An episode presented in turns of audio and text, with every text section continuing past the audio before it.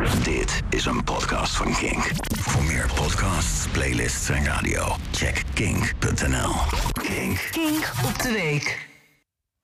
Op 16 april 2021 deed ik hier een column met de titel Hugo de Jonge kan niks. We zijn nu een jaar verder en wat blijkt? Hij kan nog veel minder.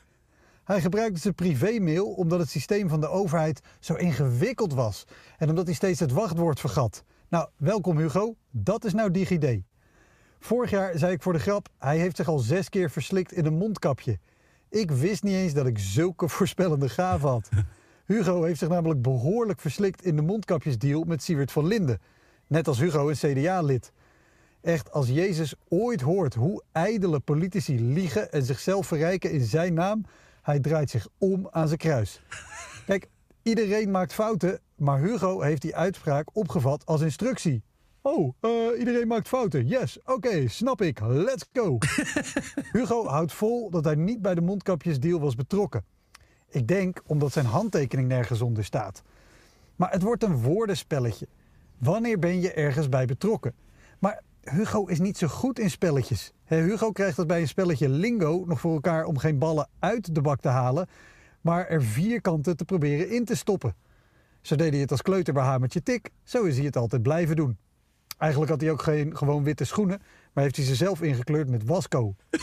Hugo is de zatte vriend die op een huisfeestje probeert het tafelkleed onder je mooie servies weg te trekken, maar vervolgens weigert de rekening te betalen, want ik heb helemaal geen enkel bord aangeraakt. Hij overleefde zijn motie van wantrouwen omdat de coalitiepartijen achter hem bleven staan. Minister Helder van de VVD kreeg het zelfs voor elkaar dat de vergadering werd geschorst, zodat ze bijgepraat kon worden over het staatsrecht. Dat was op verzoek van Jesse Klaver, die weet namelijk heel veel van het staatsrecht, want die maakte er nog niet zo heel lang geleden zijn profielwerkstuk over. De coalitiepartijen hebben sinds de val van Rutte 3 de mond vol van een nieuwe bestuurscultuur. Eerlijker, transparanter, geen fouten meer toedekken, duidelijk en open werken en de Kamer altijd goed en juist van informatie voorzien. Die grijpen sindsdien elke mogelijkheid om te laten zien dat het menens is met die nieuwe bestuurscultuur met botervette vingers aan, om hem vervolgens met veel kabaal op de grond kapot te laten kletteren. Functie elders, de ellenlange formatie, de comeback van Stef, hey, valt er hier nog iets kapot te maken, blok.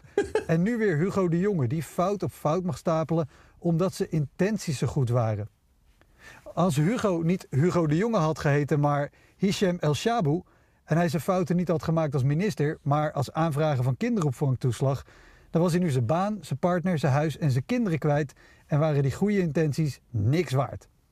Het is te hopen dat we snel nieuwe verkiezingen krijgen en dan eindelijk voor echt andere verhoudingen kiezen. Maar ik ben bang van niet. We wisten dat dit zou gebeuren en toch kozen we vol overgave voor dezelfde partijen. Niet alleen Hugo de Jonge, maar ook de kiezer kan niks.